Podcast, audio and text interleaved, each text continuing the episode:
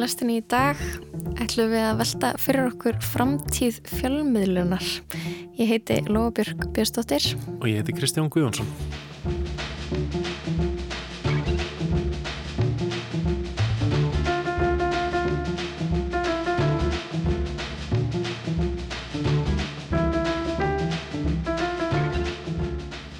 Já, síðasta tölublað fréttablaðsins kom út í lok síðasta mánuðar og þar með er aðeins eitt dagblað eftir á landinu, morgunblæðið. Já, eru við að sjá fram á endalog íslenskra dagblaða útgáðu og hvað, er fólki kannski bara alveg sama? Ég veit það ekki. Mitt, hvað tekur við? Um, TikTok fréttir, hlaðvörp, uh, gerfigreinda flytja okkur fréttir og, og veður og ferð og vegum. Það er spurning. Einmitt, þetta eru spennandi spurningar, eh, spennandi og kannski svolítið svona ógnvegjandi tímar framöndan í, í heimi fjölmjöluna. Við ætlum að velta, velta þessu fyrir okkur, svona í ljósi dauða fréttablasins, um, hvert við erum að stefna. Við ætlum að ræða við þrjá gesti, fjölmjölafólk sem er allt undir þrítugu, þetta er svona fréttabörn svo kölluð, mm -hmm. en samt fólk sem er búið að bara starfa í, í þó nokkur ár, eh, öll í fjölmjölum. Þetta eru Snorri Másson, Blagamar og Vísi og Íslandi í dag Jón Þór Stefánsson sem er reyndar atvinnulegs núna, var eh, starfaði á fréttablaðinu og Svanildur Greta Kristjánsdóttir sem hefur starfað á fréttatímanum fyrir 101 eh, útvarpstöðina og svo stopnaði hún líka veftímaritið blæ fyrir tæpum áratög. Þannig að þetta er fólk úr svona ólíkum áttum eh, en, en hafa öll starfað á dagblöðum. Einmitt. En við ætlum kannski bara að byrja í kringlunni og spyrja Öðvita. þjóðina hvort að þau muni sakna frettablasins. Ég heiti Einar, ég er 21 árs. Lastu eitthvað tímaðan frettablaðið? Uh, nei, ég fer stundum á vísi eða bara á netið.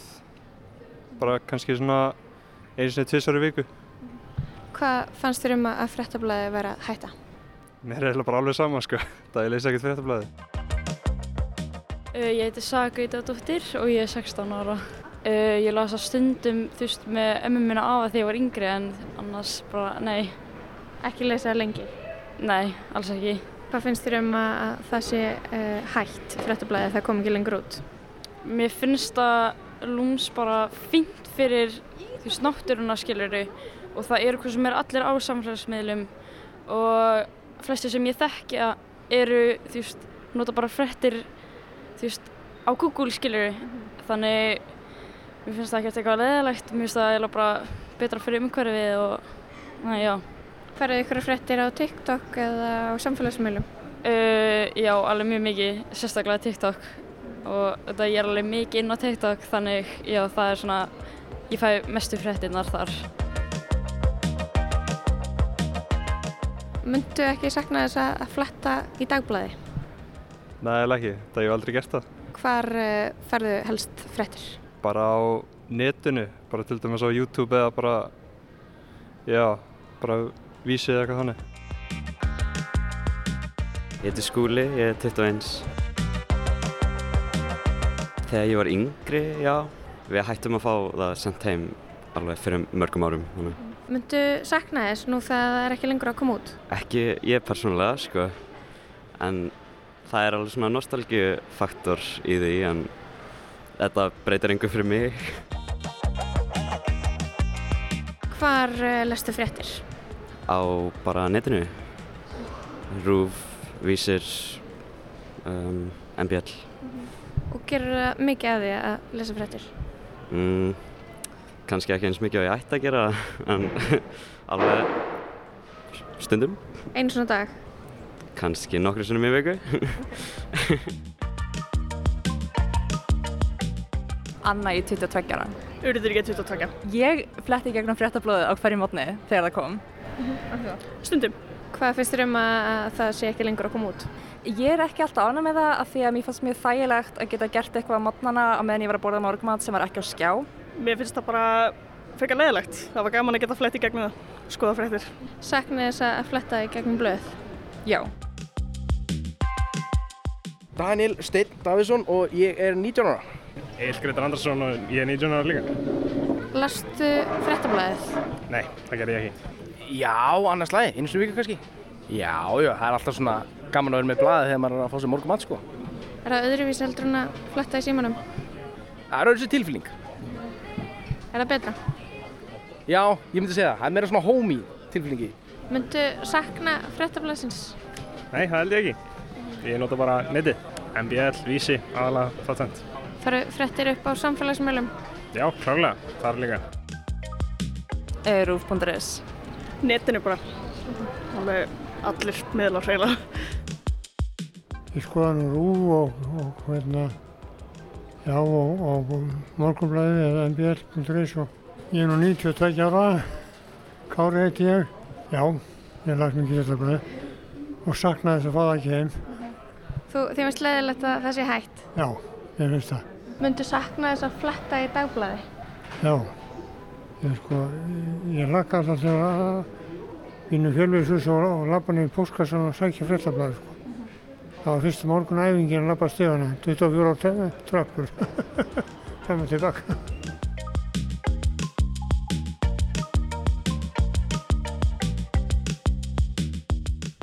Ég tók eftir því að það voru tveir stelpur að elda mig í kringlunni.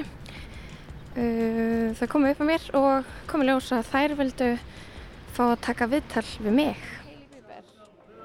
Ég verið sko að taka viðtal við þig. Ok, ok. Ok, Team Selina og Team Hailey. Ég er í hvoru teimi. Ok, um, við þurfum mér það núna. Ok. Vort lag. Uppáhaldslag? Já. Um, vá, góð spurning. Stjörnutorg eða Kumin? Stjörnutorg. Þið OG. Er þið ennþá í páskafriði? Já. Jó. Ok. En það er starf stærri dag sko. Ok, hvað, hvað ætlaði að gera við þetta viðtal? Um, uh, ég veit, ég veit ekki. Er þið æfið ykkur að vera fjölmjölakonur? Já. Uh, já, potið. Ok.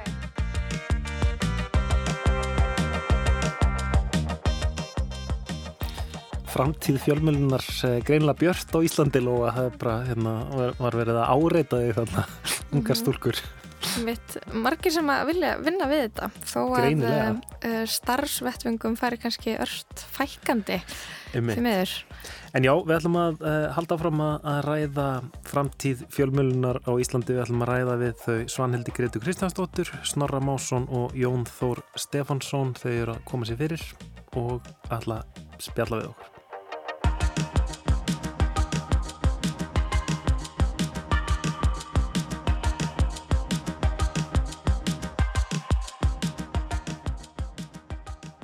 Kanski ef við byrjum bara hérna, að svona fara yfir já, hvað þið komið úr uh, í, í fjölmiðlunum. Um, Jón Þór, ég ætla að byrja á þér. Þú ert yngstur, Já. 23 ára held ég, Já. en samt, samt búin að vera í fjölmiðlunum hvað, í 5 ár? Fjögur held ég. Fjögur ár, ok. Þannig að ég byrja hvað, 2019 á DFF. Það gerist bara fyrir einhverja tilvílun að ég komið ángað og svo var ég vinnand á fréttablaðinu þetta svona síðasta rúma ár. Einmitt, og ert núna atvinnulegst? Já, ég er atvinnulegs, eins og stendur. Varst að segja okkur áðan hérna hvernig hérna, síðasti vinnudagurinn þinn var eða þú byrjaði að vinna þarna daginn sem að uh, bla, blaðið var lagt niður Já, ég, ég sem sagt misti af þessum fræga fundi, ég hefði bara farið beint upp í hérastóm, var að, að fylgjast með barðavaksmálunu og, og svo fæ ég allt einu bara að linka frá að kollegum mínum og, og, og svo svona aukkotur frá hinu blaðamönnum í, í dómsalum og, og það var eitthvað fyrirlegt í gangi. Og hvað, fórst, fórstu bara heim úr, Ég- úr dómsalunum eða varstu, varstu Ég hef svona að reynda átt að með á því hvort ég ætti að klára vinnudaginn eða ekki, en svo kíkti ég nú bara, þannig ekki langt frá skrifstofunar þannig, þannig að ég kíkti bara þangað og, og svo nú reynda bara á því að fá okkur bjór, er ekki pínur næst að þau ekki að skila Jú, það var satt, já, skrítið að vera með svona halva frétt. Mm. Já, Ég skrifa um mitt Hérna, Svanhildur, þú uh, erst að nálgast þrítugt uh, en er- Rétt sleppin inn á hóp. Já, nákvæmlega, heppin. Mhm. um, En þú byrjar eiginlega á því að stopna þinn einn vefmjöl, eða ekki? Jú, það er 2014 sem stopnum hérna veftímaritið blær.is það var engungu, já, á vefnum kom út uh, vikulega í um ár. Og svo eftir það fór ég að, eða svona skömmu eftir það hérna starfaði ég hjá fréttatímanum þegar þau Þóra Tómasdóttir og Gunnar Smári tóku við rítstjórninni þar og var eiginlega hluta því alveg þangu til það svona sök og síðan var ég um stund líka hjá útvarp 101 þegar það var sett á laginnar og hérna, já, útvarp í Mhm. útvarpi, dagskrágerð. Þannig að það komið við að við en þú hefur fengið að Já. skrifa í prentmiðl. hérna. Já, já, já, algjörlega. Snorri, hver, er- hver er þín saga? Ég, ég, var- ég hérna, fekk sumarstarf uh, á sín tíma hjá Morgunblæðinu vorið 2018 byrjaði ég þar uh, og ég náði ekki upp í það að fá að verða fréttamaður strax heldur uh, fór ég í greinadeildina eins og það heitir um, og fyrsta sömurum mitt þá var ég að sýsla með minningagreinar engum uh, og f- lesa þær yfir.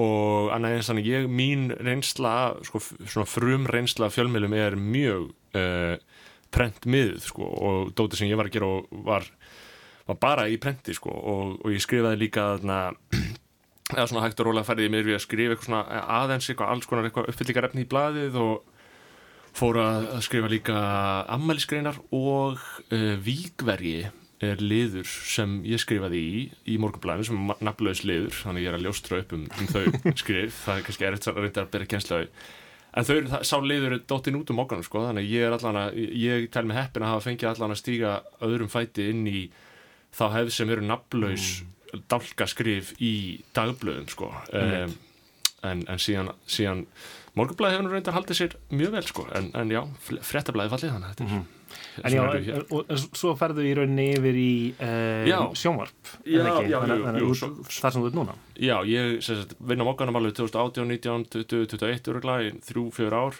og fyrir svo yfir á Ísi og þannig yfir á stöð 2 og svo framvegs og framvegs en, en, en já, maður er svona smá sko, þú veist, ég er 25 ára að vera 26 uh, maður er svona smá uh, ég segi ekki reikin en þú veist, mér er gaman að hafa unnið í prenti og, og síðan eru náttúrulega vefmiðlar og útvarp og sjónvarp, það er alls konar miðlun í þessu en, en, en prentið er þetta er allt öðruvísi miðl alltaf sko Og núna sérum Ísland í dag Ég sé mislita, já.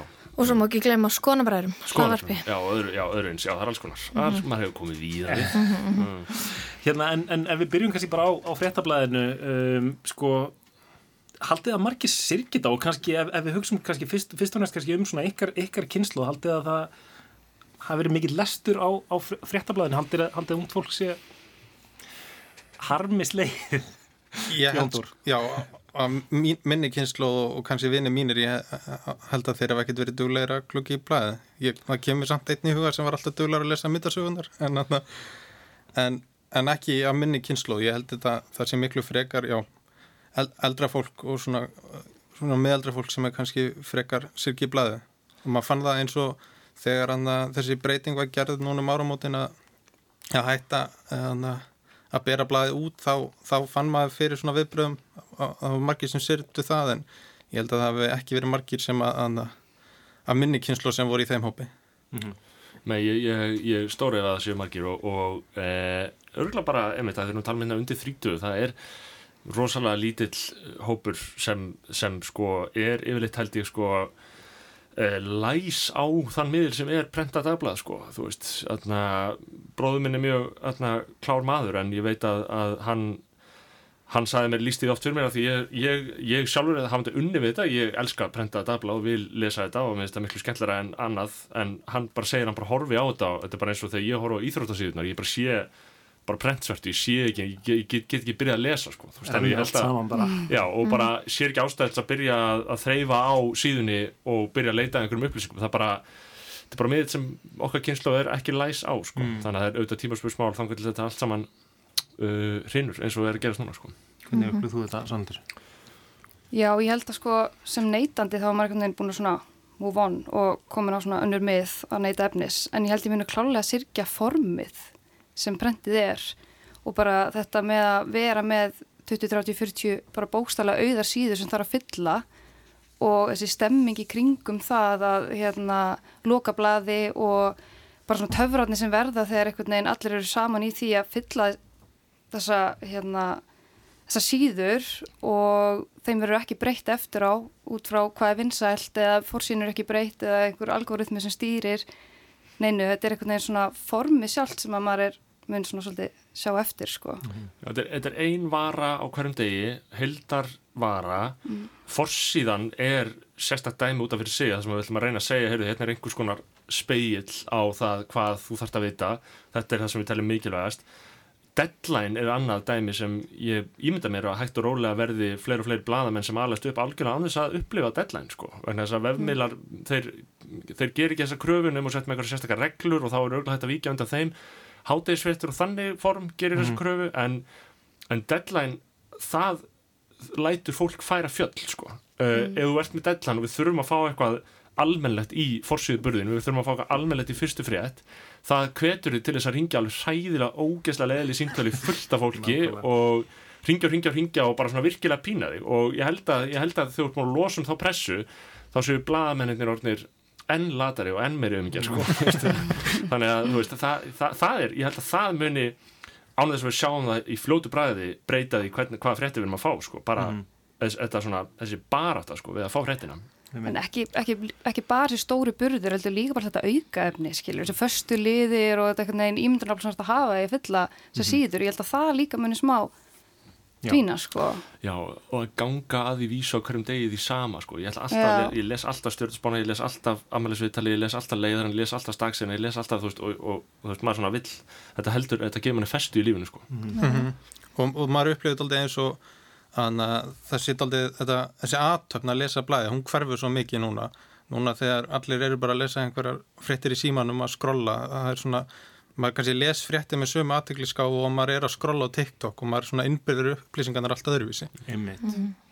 Einmitt. Hva, hva, hvar haldið þið svona almennt að, að, að fólk og, og ef við höldum áfram að tala um einhvern veginn ungt fólk í dag, uh, ykkar kynnslóð, uh, kynnslóðina eftir, uh, hérna, hvar haldið þið að fólk fái fréttir? Já, það er bara, þú veist, á Twitter og fólk dættur inn á eitthvað á Twitter og það er verið að senda linka á Facebook og svo opna fólk Vísi og svo opna fólk MBL og uh, DFF og þú veist, rúf.is og þú veist, þetta er svona og svo er eldri, það er aðeins eldri kynslu og ég veit líka að, að margir undir 30 er ekkert endilega heldur að horfa á sko, kvöldfréttir á hverju kvöldi, þú veist, þannig að það er líka þetta út að þú getur gert það hvernig sem er. Uh, fólk mun fá fréttir sko, og svo er þetta líka, ég held líka að þetta sé spurning um frambóð eftirspurn á upplýsingum. Eh, við erum bara með markað sem eru upplýsingar, veist það sem dagblöðu höfðu var að selja upplýsingar og, og selja upplýsingar sem var aflað með ákveðnum hætti en í grunninn bara var hann bara upplýsingar um samfélagið þitt og allir vilja upplýsingar um samfélagið sitt. Síðan var sá markaður tekin og gjörsamlega yfir flættur af upplýsingum, skilur, þannig að þá bara ennfallega eru upplýsingar orðnar minna virði, en þess að þú getur fengið upplýsingar um dagligt líf, þú getur komist af innan gæðsalapa án þess að opna nokkuð bara einhvern innan gæðsalapa bara rítstýra fjölmiðil, sko, þannig að við erum bara komin í svona tæknivæta markað þar sem að bara upplýsingar eru miklu minna virði og það bara svona þú mun bara, fólk fær bara aðra upplýsingar. Þegar við segjum hvar fáið fréttir, þau munum bara ekki fá fréttir eins og við þekkjum þær, þau fá bara öðruvísi tilfinningarlegra svona efni sko og, og öðruvísi áferð, myndir og myndbönd og bara eitthvað gauðra að tala í podcastum og eitthvað, þú veist, það, það er, þú veist, ég held að það verði mikið það og svona Instagram Reels, eitthvað svona, þú veist. Þetta er bara mikið komið þákað, sko. Já. En nú er einhvern veginn frettir og ég meina það sem þið fást við það er að keppa á sama grundvelli og bara allt aftreyingarefni uh, ég veit ekki hvað, auðlýsingar list, uh, já tónlist uh, hvað áhrif hefur það á, á frettinnar sem þið eru að skrifa þessu í samkeppni við eitthvað sem á bara að vera skemmtilegt Já, já, já, það er náttúrulega, við, við þurfum að vera skemmtileg sjálf og það er ógeðslegt sko. Og það er mérist ógeðslegt að þurfa að vera skemmtilegur ef að ég myndi vilja vera að skrifa fréttir sem væru bara einhversu virði. Ég, ég, og ég færst á milli sjálfur allavega, ég færst á milli mjög margra tegunda af fjölmilun sko en, en, en þetta er orðið alveg mjög klikkaður og skrítinn stafrætt markaður eh, og Twitter skiptir mjög miklu máli í þessu og hvað fólk er að skrifa á Twitter og ég held að Twitter skiptir miklu meira máli en fólk gerir sér grein fyrir almennt, það stýrir mjög mikið hvað, í hvað átt fjölmjölar að fara, jafnvel þá að fólk haldi að veist, eitthvað svona rótgróði dót eins og fréttastofa rúfi eða eitthvað. Það er bara úlingar líka að vinna þar sem svona eitthvað er að lesa Twitter og svona heyrðu, ef ekki að, þú veist, eh, það er allir að ræða þetta. Það er allir að ræða þetta, það er oft svona tala um þetta fréttafundi, það er allir að tala um þetta. Og það er bara að fjórir voru að tala um það á Twitter, skilur, þá höldum við allir sér að þá fer bara við erum hugmyndasnöðið eins og aðrir skilur menn bara fara í það sem þú veist, ég held að þetta hafi meira áttar áhrif sko. og þess vegna einmitt serja, ef það er allir að horfa einhver serju þá ég myndi okkar að það sé mikilvægt fréttaefni skilur og er alltaf það sem þykir í lestinni skilur ég alltaf það skilur en, en ég held að stór ég held að fréttir verði bara meira svona popkultúrs miðar Hvernig, hvernig upplýðið þið þetta hérna upplýða að já, fréttir séu að reyna að verða meira, eða þurfi að verða meira svona einhvern veginn aftreyingar efni einhvern veginn að gesalappa. Svanöldur ef ég beini Já, spurningum til þín. Jú, algjörlega, maður hefur alveg séð þessa þróun og hérna, þetta er bara svo áhugavert að sjá að búið að tala um þetta svo lengi, þú veist, er, ég held að sé komin eitthvað átt að nýju ár síðan ég var einhver panelumræðum um framtíð fjölmjöla og þetta er einhvern veginn búin að vera sama umræðan og einhvern veginn greiði blaðamenn þurfa alltaf að vera einhvern veginn að bregðast við þessari teknið þróun og bregðast við algoritma og það er bara ekki hægt að leggja, finnst mér, maður er einhvern veginn búin að vera, já, heyrðu, það eru vefborðar og við, við ætlum að fara að gera kostaðefni og þú ert að hérna vera einhverju samstarfi og einhvern veginn að þetta er allt, þú veist, hvað segir maður hérna, mörkin orðin svo máð og mér finnst einhvern veginn, núna er ég komin á það skoðan, að þurfa að bregðast við bara tækninni sem við skiljum ekki svona sjálf, eitthvað algoritma skrimsli sem við erum búin að skapa og að þurfa einhvern veginn að vera inn í því, við þurfum bara ákveða einhvern veginn sem samfélag að við viljum vera með ekstra grundvöll fyrir fjölmiðla til að þrýfast og já, svo er þetta spurningunni. Já, ég held að ég, meina að því að náttúrulega sko interneti virkar þannig að það er svona einhvern veginn uh, jafnari sem jafnar allt í content, þú veist þetta hugdag sem er orð einhvern veginn nær utanum allt sem er inn á, inn á netinu og, og fréttir eru bara content eins og, eins og hvað annað einhvern veginn. Í hu- huga neytandans eða í þessu svona aðteglisakkerfi einhvern veginn myndi ég halda sko. En ég veldi einmitt fyrir mig sko um, hvort að, ég menna maður sér að, að það kannski verið að fella með eitthvað efni og þá er valin mest grípandi fyrirsögnin uh, sett uh, kannski uh, uh, fókusin settur á eitthvað harmleik eða sásuga úr eitthvað viðtali. Það vali úr fremur en eitthvað annað en uh, ég, svona, ég veldi fyrir mig sko hvort að þessi svona krafa að þú veist grípa aðtegli fólks uh, nái lengra heldur en bara í fyrirsagnar fyrir þetta stjórnaði hvað, uh, hvað þið velja að fjalla um Já, ég veit segja það. Meina, þú vannst á divaf, hvað, þú veist, ég, ég, ég myndi segja það að fólk eldist við þetta efni, þetta efni sem, sem er, maður sér fyrirsögnar bara fyrir sér strax eða ekki.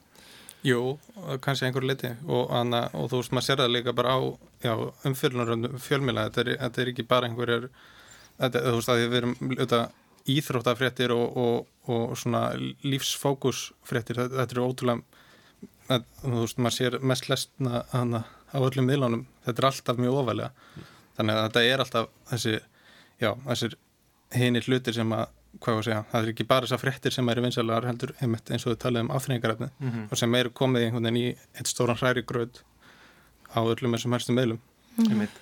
Ég- ég bara hérna mm, ég veit ekki hvort að svona al almenni hlustundur átt sig á nákvæmlega hvernig virkar sko og, og svo sem nokkur ár frá því að ég var að vinna á uh, prentmiðli og, og vefmiðli uh, á DFF en, en þá var bara sko fylst stöðut með síðu sem, a, sem að sagði mann í rauntíma hversu margir væru að skoða hvaða frétt veginn þannig að, þannig að þetta er náttúrulega eitthvað svona þróun sem hefur að eiga sér stað í svona tíma veginn að, að vera að elta Já, og- smellina já. í, í rauninni og það er held ég bara þannig á öllum þessum helstu meðlum, það er allir að fylgjast með hvað er verið að lesa og, og enda, fjölmiðla vilja þetta þeir séu lesnir en, en það þarf auðvitað einhvern veginn og þá verður auðvitað alltaf verið að sækja í lesturinn og þar kemur þessi, þessi segja, vandi eða, eða Já, sko, það sem ég spyr mig að er sko hvort þessi þróun minni halda áfram að við hefum í mörg ár og alveg frá því að sko við byrjum í fjölmenn þá hefur verið þessi þessi dabli tótt yfir þessu. Það er ekki eins og fólk heyri, þú veist, heyrðu það byrja að vinna í fjölmjölum eitthvað, þú veist það, að, að það sé,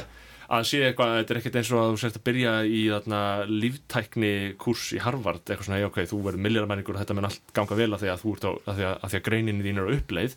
Þetta hefur alltaf verið svona uh, hvað gerist, þú veist, og prent og, og, og eitt degir út af öðru. Og, og að einhverju leiti held ég að sko fyrir eh, bara svona sálar ástand fjölmjölamanna sé ágætt að, að, að horfa staðins í augu við þær breytingar sem internetið bara hefur, hefur í för með sér að, að sko samfélagið í heilsinni ef við tölum um að samfélagið hefur einhvers konar þörf fyrir að bara henda reyður á veruleikanum og einhvern veginn svona finna út hvað er að gerast þá er það bara komið mjög breyttar aðferði til þess. Við hlustum á hvert annað tala við, við, við nótum samfélagsmiðla en, og fjölmjölar orðnir bara eitt af mörgum en þeir voru aðal. En, en sjálfsmynd margar fjölmjölamanna er auðvitað svo að þeir séu aðal dæmið til þess að fatta hvað er satt svo er fólk líka bara mjög mikið hægt að treysta fjölmjölum þú veist það er bara bara mjög mikið af líka þengjandi fólki og alls konar fólki bara, já, bara tekur því mjög með fyrirvara hvað stendur í fjölmjölum, jábel þó að séu rúvísir, MBL, fréttablaðið, þú veist, það er bara, já, já, þú veist, þetta er kannski bara eitt af mörgum sjónamiðum. Mm. Uh, þetta er gífurlega sársöka full upplifun fyrir rótgróna fjölmjölumenn að heyra að það sé ekki lengur liti á það sem þau skrifa sem heilaðan sannleik en ég veit ekki hvernig er hægt að, að, að vinna það tröst tilbaka, ég veit ekki hvort það sé alltaf spurningu tröst, ég held að bara þú veist, eru kannski bara til tveir sannleikar um eitthvað eitt og bara sömur trúa öðrum og aðrir hinnum og þá ertu síðan með fjölmiðl sem segir við segjum alltaf sannleika og við segjum alltaf rétt og segjum alltaf eftir okkar aðferðum.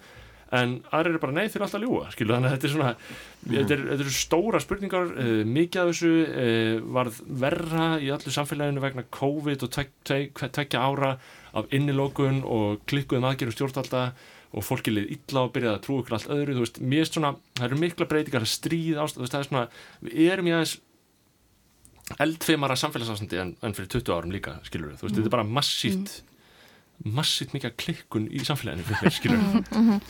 En líka við skoðum aðeins hvaða fjölmjölar sem eru í þessu ástandi sem við tala um, þetta fyrirsagna eldingarleikur og, og að þá er þetta bara örfáður aðlar sem einhvern veginn ángurum ótrúlega tíma uh, veist, internetsins komur snemma inn og komur sér inn í einhver svona net hérna komur sér inn í svona net, hvað kallast þetta? Rútínu. Rútínu, netrútínu okkar sem eru bara örfáir, þetta er MBL, DFF, RÚF og hérna og þau einhvern veginn þá þrýfast í þessu og þá mun engin annar ever geta komist á þennan stað að, að vera, þú veist, þú ferðin á Facebook, Instagram kannski og svo þess að nokkra miðla, þú veist, það er ekkert, ferði ekki að sjálfstáðum inn á fleiri heimasýður. Mm -hmm.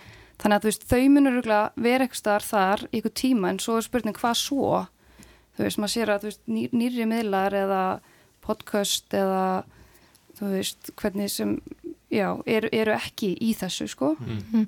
Veit, sko, um, talandi um þess að sko einhvern veginn tvo sannleika að báðir getur getu getu haft rétt fyrir sér á sama tíma veist, þá langar maður að spjalla bara um sko hlaðvörp og, og þarna og svona persónulega fjölmiðlun að, að við viljum kannski vitum að eitthvað er fréttu, við erum búin að sjá fyrirsagnar en svo viljum við heyra hvað eitthvað um einum finnst um það, hvernig hann meldir það að uh, heyra þeirra skoðanir uh, Náttúrulega eins og í bandaríkjunum verður náttúrulega þessi spjalltáttastjórnendur sem eru einhvern veginn að segja fréttir nánast öruglega leiðin sem að mjög margir fá fréttina mhm. sína í gegnum, í gegnum skemmtefni í rauninni. Bara í satíru, bara, mm. já, bara á Íslandi, bara vikanum í Gíslamartinni, þar eru fréttir vikunar, segðar aftur eh, á, á skoblegan hátt.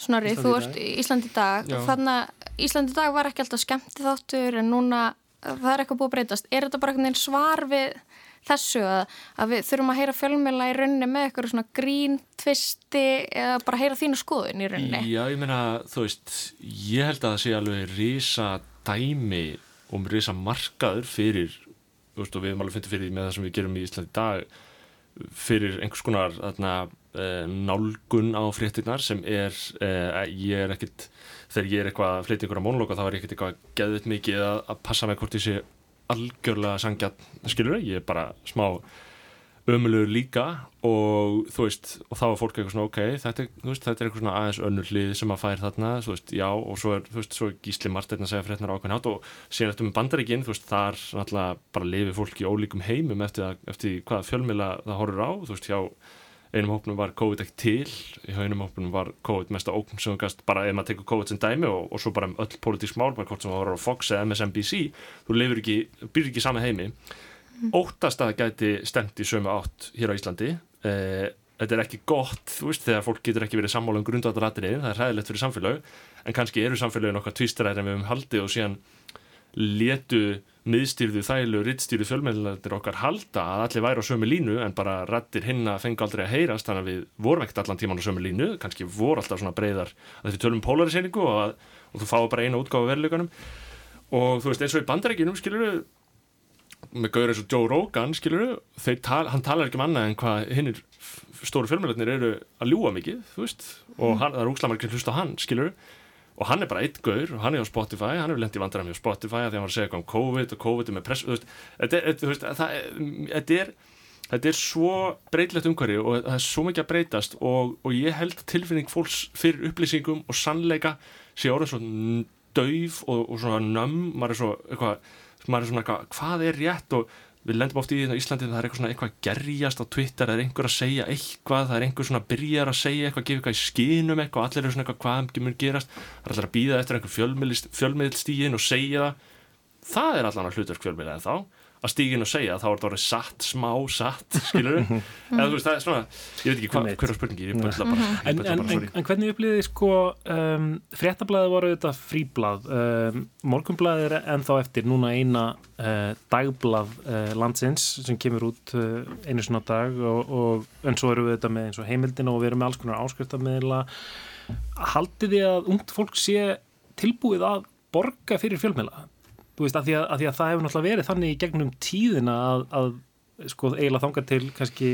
fréttablaði kemur með þetta fríblaða form þá, þá borgaði fólku þetta fyrir fjölmjöluna sína Jón Þór, ég spyr þig hefur átt fólk sér tilbúið að borga? Ég heyrði bara í síðustu viku hana, bara tvo vinið mín að tala saman annar þeirra var að pælja að gerast áskrifanda heimildinni og, og, og svo var hann bara að skrá sig inn og svo bara sá hann, hann verð með hann, ég mann nú ekki hvað hann er en og bara hætti við mm. þegar hann sá hann af því hann var svona 2-3 skall já, hann var ekki tilbúin að borga fyrir já, blæði, þó hann langaði einhvern veginn til þess mm -hmm. þannig, já, ég held að svarum mitt sé nei ég held að fólk sé ekki tilbúið að borga fyrir fjölmjölu líka eins og við hefum komið inn að það var svo gífilega mikið magna upplýsingum sem við fáum bara frítt og þá mm. spyr maður sér af hverju ættum maður að borga til að fá einhverjar þú veist, einhvern lítinn hluta upplýsingunum ekki frítt mm -hmm. Svanildur, hvað segir þú? Já, ég er sammála, ég, ég held að það sé erfið, erfitt sko og hérna, en fólk er tilbúið að borga fyrir podcast, snorri, það ekki? Hvað þið voru með? Jú, við vorum í skoðanabræðin með fint dæmi í gangi á sín tíma. Mm. við erum í, í, í, í langri pásu núna en veist, það, það var hægt sko. Það var Já. hægt að fá áskröndir í það. Mm -hmm. og einn konur, margir áskröndur þar. Já, og núna er eins og Frosti Lóðarsson með sitt með brotkastið. þannig að fólk er greinilega tilbúið að einmitt, borga fyrir einhverja konar, innan gæsalapa fjölmjölun uh, eða einhvers konar upplýsinga, mm. upplýsingar. Þetta er svona, já þetta er mjög flókið sko, mokkin áskrift þar kostar 8-9 skall á mánuði. Um farið samt að heilt prenta blað inn tíðin og hverjum degins deg eða 6 dagveikunar uh, það þyrti náttúrulega að vera einhvers konar svona doomsday þannig að maður sletti að meðal allra fjölmila um að í dag verði dagurinn þar sem að við lokum síðunum okkar og allir byrja að borga til þess að það prójekt myndi ganga upp. Ég held að mokkin var aldrei tilbúin í það. Ég held að, að, að frettablaðan alltaf er ekki lengur til. Ég veit ekki hvað gerist við það eða nafnið á endanum en þarna uh, og vísir, ég veit ekki stjú, við, það, er, það, er alltaf, það er alltaf umræð, það er alltaf verið að tala um að, að rauka fyrir þetta sko. En svona viðskiptalega, þú veist, þá er alltaf mokkinni þeirri stöð að þeir eiga prentsmiðu sem er mjög óhefnileg staða uh, að þá verður maður auðvitað að nota þessa prentsmiðu uh, en þeir eru aðeins að digitalisera sig, voru að ráða inn skaft Data sem var hjá símanum uh, í svona stafræna þróun. Þannig að það gæti verið eitthvað þú þú verður þú veist, við, við, fyrirtæki lendar alltaf í því að viðskiptamódel er að hættar að virka en þau reyna að mjölka þess lengi þau geta og, og fréttablaðan alltaf þú veist Helgi Magnússon kipti náttúrulega köttin í seknum alveg harkalega árið 2018-19 af Jón Áskeri og við okkar meginn fengum stafræna hlutan sem var fréttasíðunar og það gengum mjög vel sko. En fréttablaðið sem eign var var mikil vandrað eign eh, og bara, bara blætti peningum endalaust. Af því að þú getur eins og ég segi, það er bara búið að taka markaðin og tróða svo mikið upplýsingum inn á hann að venlegt fólk hugsa bara eitthvað, ég mun alltaf fretta þetta einhver staðar, mm. síðan eru alltaf með rúf sem er báknin á markaðinum eh, og ógæðslega erfitt og ósangjant að kepa við það. Eh, á stöð 2, ég menna þar var dagskránin lokað í, í, í, í fréttunum það gengur mjög vel að halda upp í dæminu með áskriftum en, en eins og ég segi, veist, þetta er klikkuð samkjöfnis uh, staða fyrir engarekna fjölmjöla að vera að keppa við rúf, rúf.is þetta verður alltaf frýtt hér, það verður alltaf mest í mannskapin hér, það verður alltaf mest veist, og, og ég held að við eigum alveg að hugsa um það hvort við viljum hafa þannig, sérstaklega á svo síðust og vestu tím, ég menna hver veit hvað ríkisvald tekur upp á þú veist, uh, ríkisvald er fínt í dag og við erum með því í liði, skilja, en hver veit hvað tekur upp á þetta tíu ár, ég, ég, þú veist, mér finnst það í alveg umhugsunarefni hvort við viljum hafa ríkisvaldi stærsta leikanda af fjölmjörnumarkaði uh, og uh, það er margt í þessu annað. Uh, þá þurfum við náttúrulega rétta rekstrarmótir eða þá þurfum við að geta haft eitthvað tekjur á þessu. Kannski munum við bara enda með eitthvað 5-6 Joe Rogan þrjár gellur, þrjár gauðra þú veist og, og þá verður það bara eitt sko. Það velja allir svona sinn uppáhalds einstakling til að vera sinn tólkanda á, á veruleikan og engum kemur saman, sem Nei. kemur á kaffestofuna og þú bara, já, X gerist í gær. Nei, Y gerist í gær, ertu, er eitthvað að þér? Ertu hatarum En ég, ég hugsa mitt hvort að þetta sé ekki samt líka bara svona að þessi fari aftur þá í eins og voru náttúrulega flokksblöð sem er endar fyrir okkar tíma allara eh, hérna flokksblöðin sem að voru bara einhvern veginn, já, alþýðu flokksblaðið og, og hérna og sjálfstæðarflokksblaðið og svo, svo framvegis. Þannig að fólk velji sér velji sér fólk til þess að fylgjast með það velur hann hvort Mhm. endur fallag eða frosta lóðsum þannig að sko hvað þú notar peningana í verður kannski meiri svona eitthvað svona sjálfsmynda sköpun eða eitthvað svoleiðis. Skinn, skinn það svipað Já, Já. bara eiginlega, já, mig grunar bara einmitt mjög svipað að þetta sé einhvern veginn já, að það verði sé einhverjir já, einstaklingar sem að og þú bara velur þinn og það verður daldið þinn sannleikur eins og við hefum bara séð eins og við minnst á í bandaríkunum daldið mikið þar sem að já eins og Snorri kom inn á hann hann Mhm. Tucker Carlson eða einhver Mhm. Joe Rogan eða einhver á hann CNN eða MSNBC Mhm, einmitt. en, en svo svonaldur, þegar þið stopnir blæ uh, þarna, þá farið þið strax í að uh, byrjið frekar fljótlega í einhverjum svona kostuðu efni og eða er, er, er ég að fara með rátt mál? Að svona vinna inn eitthvað svona í einhverju samstarfi við auglisendur, einhverjar frettir sem að svona þar var hægt að fá penning önnur leið ef, maður, rukkar ekki Já, notandan ef þú rökkar ekki notandan og vilt hafa ókipis og vilt sleppa við vef, vefborðan og, og, og blikkandi auðlýsingarnar á hliðanum og hafa þetta bara svona flott veist, var pælingin veist, þið, þið fara að gera þetta einhvern veginn til þess að þið getið gefið út þetta veftímaritt Já, sko, þetta var svona á þessum tíma sem að það voru allar að tala um vefborða og einhvern veginn hérna dauði hans og við eitthvað svona, engi vefborðar uh, prófum að setja svona kostaða efni. Mm. en þú veist, það er bara klink business, það, þú þarfst þá að fara bara út í meiri framleiðslu og þetta var svona eins og þegar BuzzFeed og þessi miðlar voru meira svona færast út í Vox Media og eitthvað svona sem voru einhvern veginn hérna þetta er 2014-15 þú veist, þá hérna voru með þessar fréttastofur sem síðan, þú veist, voru með eitthvað svona framleiðslu líka bara on the side, voru þess að selja í rauninni blaðmennina sína í eitthvað svona, svona kostað efni. Og mér finnst svona þetta hafa, þú veist, umræðan um þetta hefur minkað síðustu ár, sko, núna eru meiri áherslu á þetta svona áskriftaleiðir það verðist vera svona einhvern veginn eina sem að fólk sér einhvern veginn leið er áskrifundur og svo náttúrulega bara auðvitað hérna þurfa stjórnvöld skilur að búa Já. til, þú veist að það sé einhver farvegur að. Stjórn, stjórnvöld bara hann að segja það bara veist, það er galið hvað Mm. stjórnvöld hafa sofið á verðinum og Já. tala og tala og ger ekki neitt Mm. Uh, alveg gjössanlega galið vegna þess að þú veist eh, þessi styrkir til fjölmila þessir eh, upp á 100 miljón á hvern stóran miðil hafa verið undanfennin nokkur ár miðlarnir er að segja við viljum ekki við viljum ekki fá þessa styrki og þau segja alltaf við erum búin að auka hérna styrkina en af hverju ekki? Hva? við viljum ekki, við viljum ekki styrkin ég vil bara til dæmis alls ekki að fólk geti borið okkur þá brín að vera ríkis styrtur fjölmiðil við, bara, við getum reykið þetta sjálf meira og minna en þá bara frekar að laga aðstæður rekstra aðstæður fjölmiðla og ef þú vilt þá styrkja fjölmiðla breyta á skattaumkörinu, taka tryggingagjaldbur taka eitthvað svona, þú veist bara þannig að geti reykið sér hans betur. Eh, frekar en að gefa þessa ölmusu sem er eitthvað svo þú veist að því að þá erum við að fá 100 miljónir og rúf fær 6 miljardar uh, ok, þú veist, sjáum hvað getum gert af því það er raunverulega það sem þessi styrku væri þá. Mm. uh, og þú veist, og taldum þú veist, stjórnvöldar alltaf tala um að, að hvernig við ætlum að hlúa íslenski tungu og svo framvegis. Þetta er náttúrulega leikiladrið í að hlúa íslenski tungu er að sé bara fullt af fólki sem vinnur við að skrifa íslenski tungu en þannig endun í hún.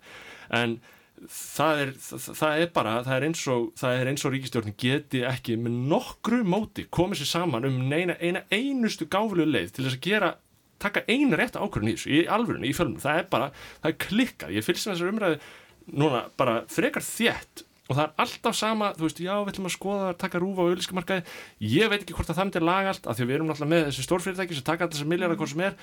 Skalllegjum þá eða eitthvað þú veist, leifum áfengisauðlýsingar þú veist, það er alls konar og, og, og leggjum sömu álögur á Netflix, ég meina, ég er með Stjúpsson sem er fimmara, við erum alltaf að horfa á eitthvað Rúf, Stöð 2, það er Íslandstefni haldan frá YouTube, það er Satan YouTube er Satan, sko. Eh, og þú veist eh, YouTube, það er eitthvað reglur um YouTube. YouTube má vera á ennsku hmm. við meðjum ekki vera á ennsku þú veist, batnaefni má ekki vera á ennsku sakvært lögum, Stöð 2 eða Rúf YouTube má það.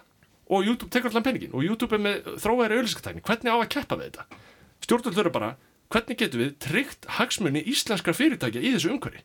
Og setjast neyru og gera það. En í staðin er bara ekkert sem gerist. Mm. og, veist, og það er bara, það er klikkun. Og, og við erum að fljóta svo að þetta feiða rósi. Það, það er það sem við erum að gera. Það er það sem við erum að gera uh, Jákað umræða. Framtíð fjármjölunar mhm.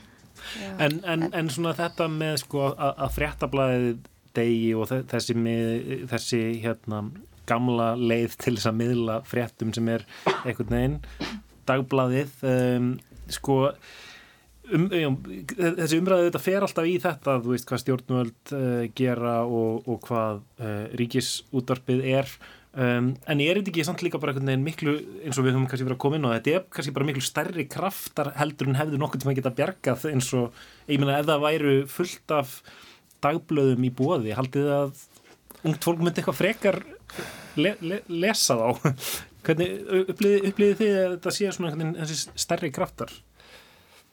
Um, Til langstíma liti er, er ég hættur um að svara sér nei. Mm. ég, held að, þú veist, ég held að ungt fólk, þú veist, það kannski hægt að einhvern veginn hægt að eins og bara haldra lesti dagblæðana í stað í ákveðin tíma en svo einhver tíma kemur fallið býst ég við þannig ég held og, og sama hvert úrvali væri þá er hættur um að ná, fólk hafði ekkit rosað mikið nema þau væri bara svo gríðarlega mörg að það myndi bara, það væri eins og algoritmin að þú geti fundið bara einmitt það mm -hmm. blað sem að, að hafaði einmitt til þín en, en ég held að það sé aldrei svona mikið rugl að einhvers konar slíku veruleiki þannig ég held að, ég held að já, við rauninni sé framtíð dagblaða bara mjög svört, sérstaklega á svona leiklum markað eins og Íslandi. Ég held að stærstu dagblöð heims svona bara eins og New York Times eða, eða Guardian eða hvað sem það heitir, þú veist, ég held að þau kannski, þau standa ágjörlega eins og stendur en, en þau eru þetta líka mjög mikið að pæli hvernig þau færa sig yfir á, á nýja meðla. Mm -hmm. en, en mhm. öll bara, þú veist, þessi blöð sem eru ekki stærstu dagblöð heims eru eiga held í öllu undir höggasækja. Ég meit. Sko, eitt, eitt ég veldi fyrir mér sko, hvernig þetta mun þróast ég, ég til dæmis hérna, uh, var að ná í hérna, nýtt svona frétta app sem er hérna, stofnendur Instagram uh, byrjuði með sem heitir Artefakt og er sem sagt svona eitthvað gerfugreindar algoritma um, app um, og, og það lætur mig fá fréttina sem ég vil sjá veginn, þetta er einhvern veginn að fara bara lengur og lengra í þessa átt að við erum kannski að glata þessari svona uh, kjúrasjón sem að, sem að bæði dagblöðin og svo svona frétta tímannir auðvitað hafa. Og, og einhvern veginn við fáum þetta allt bara einhvern veginn matað eftir því mm. hvað við höfum áhuga á en ekki kannski hvað bara efni sem, bara efni sem er þér viðkomandi Já, tengist þínu áhuga sviði Já, og bara efni sem þú ert sammála og staðfestir mm -hmm. trúðina sko mm -hmm.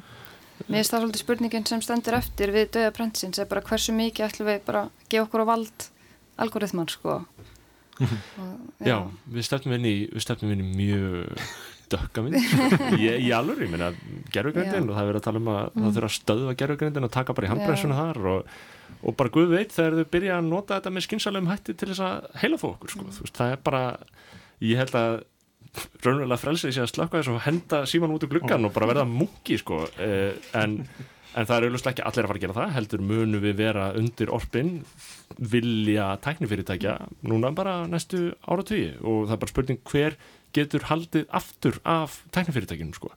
Og hver mun stöða þau sko. Mm -hmm.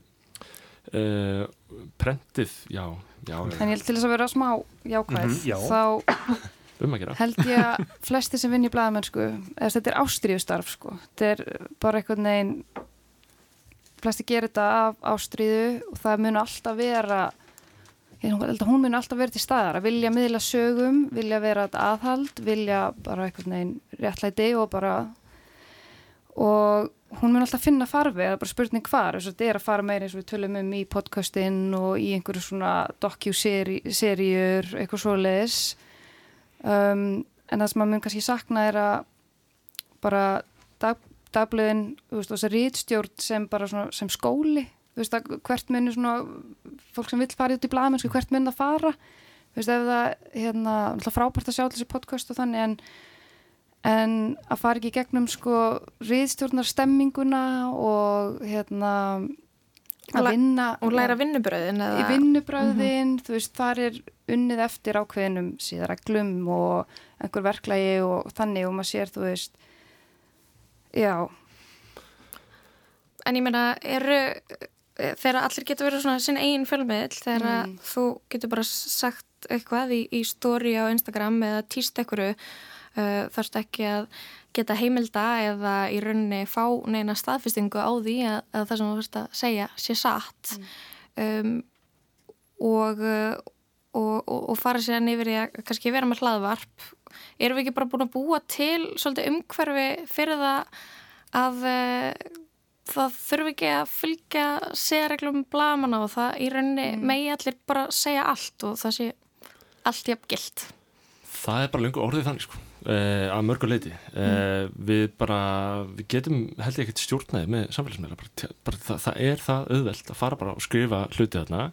En það sem fjölmjöla hafa náttúrulega lend í og það sem ég bara sé mjög mikið á í minni vinnu á, á síðastu, síðastu árum og, og bara á, á þeirra reitstjórnum sem ég er starfað á er bara að sko sama þóttu ætlir að hunsa eitthvað sem þér finnst ekki hafa verið unnið eftir síðan kunstarinnar reglum þú bara getur það ekki, það verður bara ofstórt og það er bara fyrir framann andlitaðir þannig að þú ert að fara inn í málið og þá ertu búin að spyrja spurningana og þá ertu búin að veita því lögmæti sem hefur verið sagt á ofnbjörnum vettvangi og síðan getur mm. Síðan er hægt að hægt og rólega að reyna að vinda ofan að því eins og segja síðan þið sanna í málunum, það er kannski bara ekkit það sem verður ofan á endanum, heldur eru það bara einhverjar stórar sögur sem við heyrum sem passa okkar heimsmynd, er mikið misrætti í samfélaginu, er þetta dæmu um misrætti já þetta er dæmu um misrætti, þetta lítur að vera satt. Það er mikið misrætti í samfélaginu okkar. Og við bara höldum áfram að trú og trú og trú á, því, á það sem við trúum á. Svo mm. gleipum maður svarta pillu og hugsa er ekkert það mikið misrætti í samfélagi okkar? Og þá er þetta mm. allt ósatt. Og það eru margir sem hafa gleipt þá pillu og eru þar. Og aðri sem, þú veist og, og, og uh, staðirindir málsins þegar á holminni komi hvað átt sér stað á milli til dæmis bara einhverja aðila hver veit það, það er bara það sem vilt trúa sko. mm. sönnun og gagn ég meina, dómskerfið er að breytast líka, skilur, það er alls konar veist, sannleikurinn er bara mjög fljótandi fyrirbæri sko og ég held að ég held að sko fólk líti líka svo á að fjölmiðlar geti ekkert, þú veist geti ekkert á endanum hveðið upp úrskurðum það hvað er satt og hvað ekki. Við höfum alltaf trúað fjölmiðlar, veist, að bara það sem stendur síðan stendur þarna sé satt mm. en þú veist, það er einhvern veginn, það er alltaf með, með, með netinu og yfirflæði upplýsingar við erum að lesa svo margt, við erum að lesa status, við erum að lesa tweet, við erum að lesa, við erum að skoða Instagram, við erum að skoða eitthvað dót, maður veit bara ekkert lengur maður veit ekkert lengur. Mm. maður, bara, maður bara, já, já, veist ég fíla þetta smá, þannig að þetta er auðvitað satt skilur um, Myndu þið segja að þú veist, frá því að þið byrjuð að skrifa fréttir og vinna fjölmjölum, að þetta sé búið að breytast ákvörðat þetta að, að runni allt sem einhver bara runni allt getur verið frétt allt sé verið að miðla upp úr? Um, Já, kannski að einhver leita, mér, mér kannski leiðin svo að uh, þessi þróun sem við verðum að tala um sko, mér leiðin svona hafi mögulega kannski dvínað á síðasta ári einhver leiti, kannski eru þið ásamála en, en, en mér leiðin svona hafi mögulega náð einhvers konar hápunkti þannig að fyrir kannski, ég veit að ekki, ári eða eitthvað og, og svo maður að segja, þannig að En, en, já, en, en með grunar þetta sé svona öldugangur sem færi sér samt alltaf smátt og smátt upp af við mm. en, en ég held að en það var vissulega einhver breyting á þessum fjórum árum sem ég vann. En það voru kannski líka það voru mikla ritsjórnarlega breytingar alltaf, var, ég vann undir þremur heldur ritsjórum hjá TFF og svo einu á fréttablaðinu, þannig að á þessum fjórum árum var ég undir mörgum ritsjórum, þannig ég held að það sé kannski líka hana, mikla breytingar í, í, í þeim efnum sem hafi áhrif á bara það meil sem ég var að vinna mm. Mm. Um, sko, uh, Svandur, mér langar að spyrja þig sko að því að þú starf, hefur líka starfað sem ljósmyndari mm -hmm. um, dagbladið er, hefur þetta líka verið vettvangur fyrir fag sem er sko fréttaljósmyndun Mm. og, og við erum með frábæra fréttaljósmyndar á Íslandi eh, en ef það er ekki þessi dagblöð fyrir þóls að starfa og þá er eflaust erfiðara að einhvern veginn halda út í Mm. þessari fagþekkingu hvernig, hvernig svona blasir það við þér Mm. sáhluti? Já, hérna, ég held bara eins og blaðamenn þá eru fréttiljósmyndir að tala líka um svo miklu sorg sko, þessi stemming er búin, hún er liðin, þú veist að fara hérna á vettvang og, og hérna þetta er orðið mjög sérstakt starf núna, breyst gríðarlega, þú í rauninni bara bóka ljósmyndara á vettvang þú veist ég, það er ekki lengur neitt sem er svona frétta ljósmyndun, þú veist, þetta er bara allt komið löngu komið á samfélagsmiðla, þú veist, það er ekki eitthvað svona eitthvað, eitthvað svona augnablík sem þau eru að ná og undan öðrum eða er að byrta í fyrsta sinn á miðli, þannig að þetta er svona og maður finnur alveg að það, það, það er ekki eins og þessir mokka ljósmyndarar sem voru, þannig að ég held að þetta sé bara alveg búið sko, það er miklu meira út í eitthvað svona aðeins uh, hérna, editorial um mögulega, einhver svona meira spennandi, einhver svona segja sögur en, en það er svona þessi frétta ljósmyndun og, og hérna stemmingin kringu það er bara, er liðin sko. Þannig að hérna við, við náðum nú alveg nokkuð auðveldlega að sapna hérna í þrjá, þrjá fjölmjöla manneskjur uh, bladamenn sem að hafa, hafa starfað á fjölmjölum uh, Mm. en það væri kannski erfiðar að finna sko bladaljósmyndara undir 30 bara á landinu held ég Já, fréttaljósmyndara sko. Já. já, þau eru að hlaupa í skarði bara svona helgar og svona það, það, fólk er ekki að leggja þetta fyrir sig með sama hætti nei. Maður, maður upplýða líka því að núna já, bæða dífa fór fréttablaðinu og, og bæða þá á vefnum og fréttablaðinu og, og í blaðinu sjálfu maður upplýða að standardin væri eitthvað hæstur á fréttaljósmyndum í sjálfu blaðinu. Já. á meðan á, á eins og dífa þá er kannski miklu meira uh, rými til að bara endurnýta myndir. Aðsend mynd, já. já. og stóð að setja eldingar en að myndin Já, já, það er, enda, það er kannski hæsti standardi fyrir samsettum myndum það, að er það er listgrein, þetta er ný listgrein, við skreitum þetta öðru vísi. Og í mokkanu þá fann ég þetta líka, veist þá bara, þá var aðal vettvangur myndana var blaðið sjálft. Og það komið mjög fallega myndir og veist það eru rosalega hefileika ríki ljósmyndar ennþá að vinna á morgunblaðinu. En ég meina ljósmyndadeildin er rúglega, ekki að fara með að þrýða fjóri í stæðin fyrir tíu að ellu eða hvernig hvernig það var þegar Mm. gullöldin var sko. En, en þetta er þú veist það er líka bara sama sem ég var að tala um. Þú veist með frambóð eftirspurð skilu það getur allir tekið þessa mynd meður minna. Þannig sé þú veist allan að mynd sem dugar þú veist þetta er bara hagræðing þetta er bara þú veist fyrir 30 árum eða 40 árum þá var alltaf enginn sem gætt mætt nema bara einhver geggjaður ljósmyndari frá mokkanum og gerði, tók bara einhverjar hellaða myndir og þær komu ekki vel út í blaðinu það var bara, það var sérþekking í því. Núna er ekki, veist, það er ekki sérþekking, þetta er bara, það er bara verið að flæða markaðin af myndum og rugli, skilur og ég held meira sem fjölmjöldin hafi orðið eftir á að mörgu leitu en sem ég hef upplegað mikið á meðvefnvel maður er að skrifa og, og við erum ennþá föst í því að þurfa að verða til þessu höfundarétt ljósmynda. Og við notum ekki hvaða ljósmynd sem er á meðan á samfélagsmiðlum þá er allir bara þú veist, maður er komin í samkefni við fólk sem fylgir ekki sömu reglum sjálf, þetta er bara alltaf bara og maður horfður bara, þú veist, ég sést þetta fólk posta Facebook einhverjum myndum sem einhver ljósmyndari tók ég bara, hvernig dyrfist að posta þessu, hvernig skrifar ekki hver tók þetta, þegar maður gerir það alltaf á vefnmjölum skilur, þannig að maður er að keppa fólk sem er siðlust En eftir því sem er samt fleiri myndir þá verður auðvitað þakklátara að hafa góða mynd. Mhm. en eins og bara snorri tími fyrir, eða þú veist, já, Mhm. markaði fyrir það sko. Ég, Þannig að- ég heyrði grínast með þann daginn að, að það ætti, að því það er alltaf verið að gefa velum fyrir svona bestu fréttiljósmyndunar að, að það ætti að bæta við svona skjáskoti ársins, mér fannst það mjög skemmtileg pæling.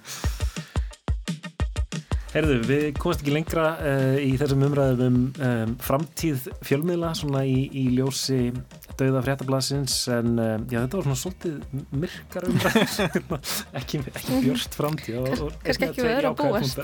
Nei, fergiðið mér. En Svanhildur Greta Kristjánsdóttir, Snorri Másson og Jón Þór Stefánsson, takk hjá fyrir kúinu lestina. Takk fyrir. Takk